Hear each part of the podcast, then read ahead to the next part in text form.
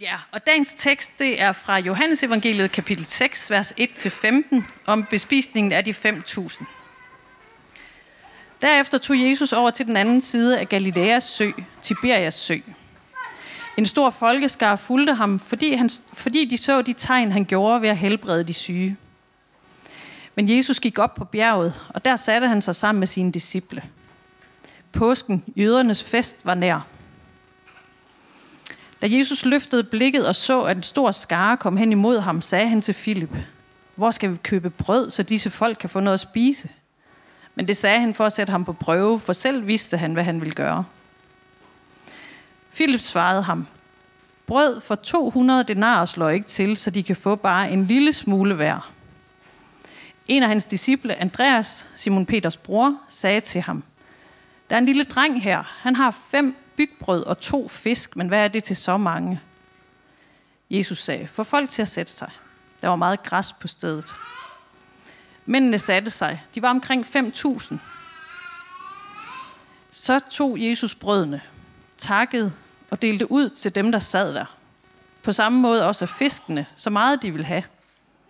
Da de var blevet mætte, sagde han til sine disciple, samle de stykker sammen, som er til overs, så intet går til spilde.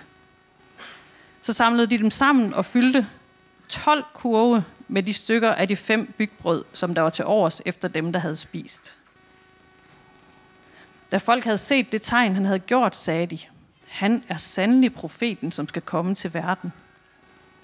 Jesus forstod nu, at de ville komme og tvinge ham med sig for at gøre ham til konge, og han trak sig atter tilbage til bjerget helt alene.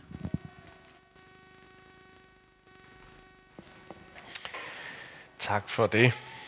Og tak for invitationen til at være sammen med jer igen her i, i Aalborg Valgmenighed i Nordens Paris. Øhm, jeg skal hilse fra min hustru Sara. Hun vil gerne have været med, men øh, hun leder i den her uge, der kommer nu her, begyndende med i dag, en hverdagsretræte sammen med nogle andre, hvor folk fra Aarhus lever deres almindelige arbejdsliv, og så er der så nogle tidebønder og åndelig vejledning i løbet af ugen, og det er hun altså med til at stå for, det begynder i dag. Som jeg øh, blev nævnt tidligere, er jeg blevet generalsekretær i Dansk Oase.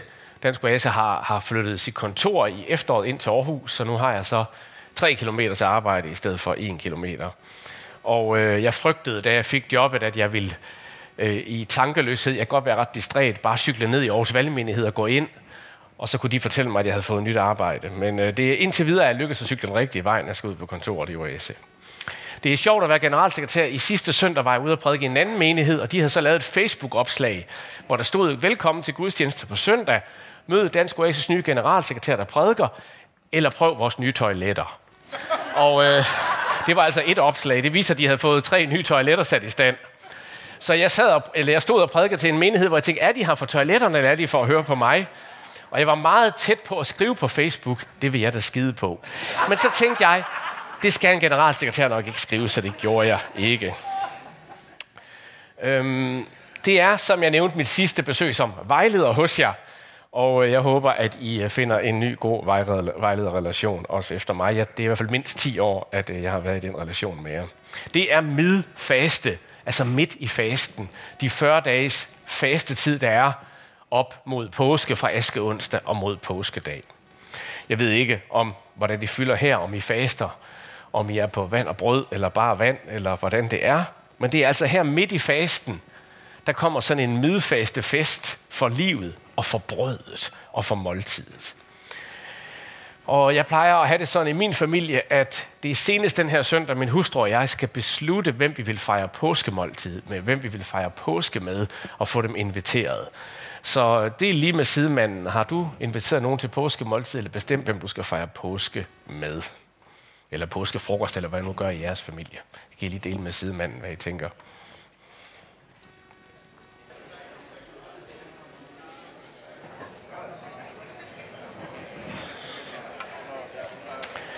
Vi har hørt en øh, beretning, evangeliet til i dag.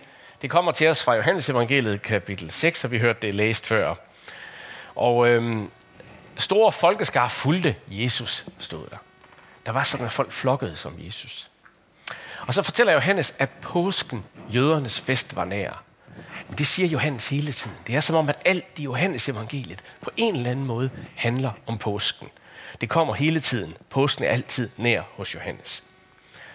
Og Jesus, han løfter blikket og kigger på de her skare, de har tjent, og han har tjent og undervist en hel dag. Og så for at sætte sine disciple på prøve, spørger han, hmm, hvor skal vi købe brød? Det er en særlig irriterende ting ved Johannes evangeliet, at vi altid skal have at vide, at Jesus godt vidste, hvad der skulle ske. Men øh, Johannes siger det, som det er. Selv da Jesus skal opvække Lazarus, så hører vi, at Jesus ved, at Lazarus skal opvækkes. Alligevel græder Jesus og sørger. Den spænding er der altid, når Johannes fortæller om Jesus. For der står, for selv vidste han, hvad han ville gøre. Og Filip, en af disciplene, siger, jamen altså, om vi så har 200 denarer, 200 daglønninger, så slår det ikke til. De kan ikke engang få mad nok, selvom vi har det. De giver op. En anden disciple, Andreas, siger, der er der en lille dreng, han har fem bygbrød og to fisk, næsten, så de kan næsten høre ironien. Øh, de siger lidt til Jesus, hvad har du forestillet dig? Altså, hvordan i alverden skulle vi give mad til så mange? De er i en mangelsituation. Og det kender vi jo godt i en verden, der er ramt af krig. I Europa nu i hvert fald. Der er jo altid krig nogle steder, nu er der også krig i Europa, endda en erobringskrig. Og en verden, der har været ramt af corona, og i eftervirkningerne af det, med forsyningsproblemer rigtig mange steder. Måske er du også den, der kommer hjem, når du er nede og købt madvejen og tænker, hold da op, er det blevet dyrt. Jeg vil lige sige, det er ikke mig, der køber ind hjemme ved os. Det får jeg ikke lov til. Men jeg hører konen sige det igen og igen. Nej, hvor er det? Så er det stedet, så er det stedet. Så øhm, vi kender godt til det at være i en mangelsituation, hvor vi kan se, at det, der er behov for her, og det, vi har at gøre med, det matcher ikke. Måske har du det sådan lige nu, enten med din private økonomi, eller med en anden situation, med en anden ressource i livet. Simpelthen så stort et spænd mellem behovene og ressourcerne. Og der er det meget fristende at sige, Jesus, kan du ikke få behovene til at gå væk? Jesus, kan du ikke få de hjemløse til at gå væk? Jesus, kan du ikke få de sørgende til at gå væk? Jesus, kan du ikke få endnu en, der vil til forbøn, til at gå væk? Jeg er træt, Jesus. Jeg orker ikke mere. Men Jesus siger her i den her mangelsituation, få folk til at sætte sig. Samle folk. Den relation hos Lukas og Markus og Matthæus, der står der endda, få dem til at sætte sig i grupper af 50. Det er som om Jesus i en mangelsituation begynder at plante menighed. Som I også gjorde her engang. Få folk til at sætte sig. Så fortæller Johannes, der var meget græs på stedet. Det er sådan Johannes ting. Det er sådan, når vi skal høre, at der var lige præcis 141 fisk, eller hvad det nu er. Jo, jo, men øh, det skal vi altså vide. Der var meget græs. Og så står der, at mændene satte sig, der var omkring 5.000. Og jeg ved ikke, om det kun var mændene, der måtte sidde ned, eller det er også lidt specielt, ikke? Og så tog Jesus brødene, de der fem brød, og så takkede han for dem. Og det gjorde man ved at løfte brødet op på Jesu tid. Og så begyndte han at bryde det, så delte han det ud. Og så bliver de med det. Så er der lige pludselig en mangelsituation, der bliver til en overflodssituation. Og han siger til sin disciple, der er så meget til overs. Gå lige rundt og samle det op i nogle kurve. Og folkeskarne, de er jo helt overvældet af det, de har set, så de siger, han er profeten. Og Jesus mærker, at de vil tvinge ham til noget. De vil gøre ham til en brødkonge. Det er også en nem måde at få mad på. Og her er selvfølgelig en, et ekko fra Gamle Testamente, hvor mannaen kom ned til Guds folk. Og de på et tidspunkt får at vide, nu er det ikke længere på den måde, I skal have brød. De vil gøre Jesus til noget, der møder nogle behov her og nu alene. Og det vil han ikke, og han trækker sig. Det er sådan cirka historien. Det at have måltid, det fylder meget i Nyt Testamente. Mad fylder meget i Bibelen i det hele taget. Og måltidsfællesskab. Og det gør det jo også i, også i Aalborg Valgmenighed. Det ved vi alle sammen. Er det ikke rigtigt? Mad, hygge, fællesskab. I er så gode til det. Det gør det, fordi det, det er noget meget dybt hos os. Jesus havde måltidsfællesskab igen og igen med syndere, og det kan vi tænke, ja, hvem skulle han ellers have det med? Vi er alle sammen syndere, men det betød nogle særlige syndere, som det desværre tit gør. Dem havde han måltidsfællesskab med. Jesus havde deltog i sabbatsmåltidet efter jødisk tradition til sabbaten og har været vant til at sige takkebønnen og høre den fra han var barn. Jesus han har de her bespisningsunder. Der er i hvert fald mindst to gange, han gør det, måske en gang mere. Jesus omtaler sig selv som livets brød. Og til sidst, da han har den sidste aften med sine disciple, det, det store sidste påskemåltid, han har med dem, der tager han hele brødet, hele måltidet, og siger, det handler om mig, det her. Der er som to linjer, når vi bryder brødet, og når Jesus bryder brødet, som han også gjorde til det her under. Den ene linje, den fører frem til påske. Johannes, husk, Johannes skriver, påsken er nær. Han minder os om, husk nu, hvad det er, der sker her i lyset af påsken. Fordi der på påskemåltidet, der tager Jesus brødet og bryder det. Og han siger, det er mit liv, det er mit læme. Så ligesom det her brød bliver brudt, så bliver mit læme helt konkret brudt, nedbrudt i korsfæstelsen og givet hen til verden. Jesus han peger sådan set med hele sit liv, med alle måltiderne, med alt fællesskabet, på den her selvhengivelse, som brødet er symbol for. Og der kommer der fire ord. Jesus tog brødet. Han takkede. Han løftede det op. Han brød det. Og han gav det.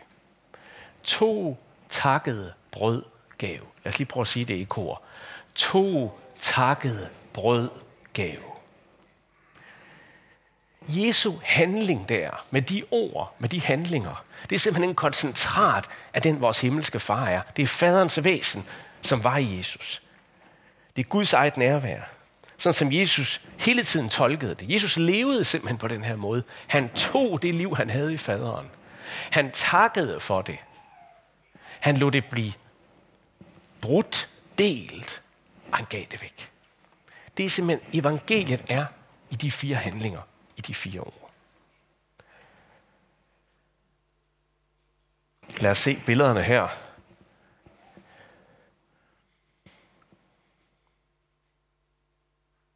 Tænk på, hvordan Jesus han i den nat, da han blev forrådt af alle, af alle steder, i den nat, da han blev forrådt, der var alle svigtede ham.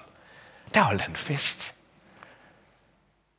Og der tog han brødet, og så sagde han, det her brød, det er mig, det er mit liv, det er alt det, jeg har været hos jer. Og nu takker jeg for det. Og så bryder jeg det. Og så giver jeg mig hen. Og det skal jeg gøre på korset. Og ham, der har ærespladsen i det romerske sekulum, bordet de lå ved, ham, der havde ærespladsen, var Judas, som Jesus døbede sammen med i den nat, da han blev forrådt. Så hele Jesu liv kan sammenfattes med de her fire ord. Han tog sit liv. Han takkede for det. Han lod det blive brudt, og han gav det. Og det er faktisk klangbunden, når Paulus han siger, at vi skal være generøse og være gavmilde. Når Paulus han siger, at Gud magter at give alt noget i ritmål, eller den, der sår rigeligt, skal høste rigeligt, så er det sådan set en form for brødsbrydelses livsstil. Det er det, at jeg tager Jesus selvhengivelse, også når vi fejrer det i nadveren, tager det med ind i mit liv, og begynder at tage det, jeg har fået. De fem brød, de to fiske, jeg har fået, og takker for det, jeg nu har fået. Tager det, takker for det, og giver af det og deler det. Det er den livsstil, vi simpelthen sendes ud med, når vi fejrer nadver. Paulus han siger et andet sted, at gavmildhed, generositet, det er at give, det er at dele. Ikke bare måltidsfællesskab, men dele alle de ressourcer, du har i dit liv. Det fører til taksigelse til Gud, siger han. Og ordet taksigelse hedder eukaristo på græsk, og det var også det, man i den første kirke kaldte nadvaren. Man kaldte det simpelthen eukaristen, taksigelsesmåltidet. Nadverfejring og gavmildhed, det hænger simpelthen sammen i Nyt Testamentet. På et tidspunkt i menigheden i Korinth, de havde mange problemer. Det vil jeg bare sige. Jeg var glad for, at jeg ikke var deres vejleder. Der var så mange problemer. I har slet ikke problemer, jeg sammenlignet med menigheden i Korinth. Ikke som jeg ser det i hvert fald. De var beruset under nadveren. Det har jeg vist indtil videre ikke oplevet her. Øh, I hvert fald ikke opdaget det. Så, øh, og, og når de havde nadvar, altså havde måltidsfællesskab om, øh, på Herrens dag, øh, og de samledes, så siger Paulus, at han har hørt, at den ene, der har meget, han sidder med alt sit mad, eller han eller hun sidder med alt sit mad selv, og så var der faktisk folk, der næsten sultede. De fik ingenting. Og så skriver Paulus sådan her til den. Den, der, nu er 1. Korinther 11, den, der spiser herrens brød eller drikker hans bære på en uværdig måde, forsynder sig derfor mod herrens læme og blod. En hver skal prøve sig selv, og så spiser af brødet og drikke bæret. For den, der spiser og drikker uden at agte på læmet, spiser og drikker sig en dom til. Og så siger han, derfor er der mange syge og svage hos jer, ikke så få sover hen. Det her det er en af de mest misbrugte og misforståede tekster af Paulus, tror jeg. Fordi at øh, nogle af jer, hvis I kommer fra en familietradition, hvor man har gået til gudstjeneste, jeres forældre og bedsteforældre, vil have tænkt på den her tekst som sådan en særlig fromhed. Det der med at agte på lægemet, det var, at man skulle virkelig føle sig som en sønder, for at man kunne gå til nadver, og man skulle virkelig rense og grænske sig selv. Men det er ikke det, Paulus han mener. Når Paulus siger, den der spiser og drikker uden at agte på lægemet, så taler han ikke om individet, så taler han om menighedslægemet. Det er det, han gør i 1. Korinther 10, 11, 12, 13, 14. Så det er en anden forståelse. Det Paulus siger, det er, at vi kan ikke fejre nadveren rigtigt sammen. Vi kan ikke virkelig nyde den som nyt liv, hvis ikke vi agter på fællesskabet. På alle de andre, vi modtager nadveren med. At vi har måltidsfællesskabet med.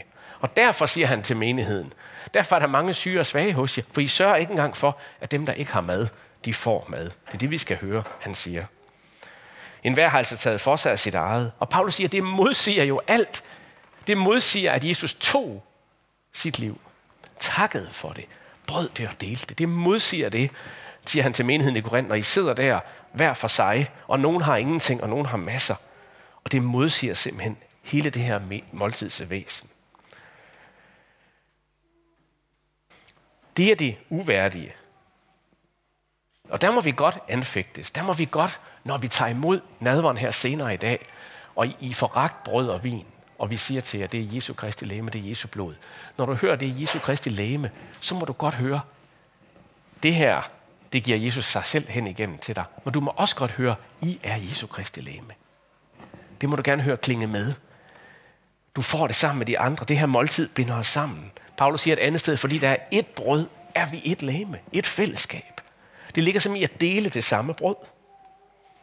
Det lodrette, kan vi sige, det Jesus bringer og giver os, det kan ikke adskilles fra det vandrette for fællesskabet. Så giver vi os faktisk også hen til hinanden. Dette er Jesu Kristi læme. I er Jesu Kristi læme. Vi er Jesu Kristi læme. Så Jesus, han tog sit liv. Han takkede for det. Han brød det, og han gav det. I total hengiven kærlighed. Og han kalder os til at tage det, vi har fået. De fem brød, de to fisk, de ressourcer, de gaver, du har fået. Ikke dem, du ikke har fået. Ikke det, du kan synes, du mangler, men det, du har fået.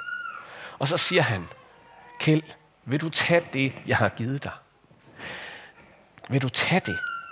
Vil du takke for det? Vil du lade det brydes og deles og give det? Ligesom at jeg giver mig til dig. Han siger altså, Øjvind, Kasper, Joachim, hvad I nu hedder alle sammen. Vil du tage det, jeg har givet dig? Takke for det.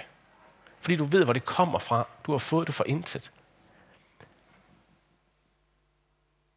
Vil du lade det brydes, deles? Nogle gange er det her brydes og deles jo også noget, der indebærer en smerte, en sårbarhed. Og tage det, man har fået, og ligesom lade det brydes, ligesom det gjorde for Jesus. Og vil du give det i tillid til, at der sker underet. Der kommer Guds rige.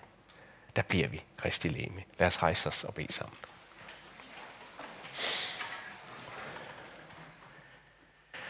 Jesus, øh, det er midfaste.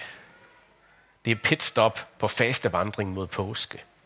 Det er festdagen midt i fasten, hvor vi fejrer brød og vin, og vi fejrer, at du er nær i det måltid på en måde, vi ikke forstår, men bare må tage imod. Jeg beder, at når vi om lidt fejrer nadvåren og modtager brød og vin, og hører, det der er mit læme, det der er mit blod, så må vi gøre det i en dyb vidsthed om, at vi kan ikke lægge noget til det, vi kan ikke tage noget fra det, vi kan bare tage imod det. Vi takker dig for, Jesus, at du tog dit liv, det du havde fået af faderen. Du tog det, du takkede for det. Du lod det bryde, så du gav det, og vi tager imod det. Og Jesus, når vi hører ordene, det er dit læme, det er mit læme. Lad os også i ånden høre, at vi er dit læme. At når vi giver os hen til dig, så giver vi os også hen til fællesskabet og til hinanden med alle vores forskelligheder, alle vores vandringer, alle vores spørgsmål, alle vores sorger og alle vores glæder. Du giver os til dig og kalder os til, at vi giver os til hinanden. Det takker vi dig for i dit mægtige navn, Jesus. Amen.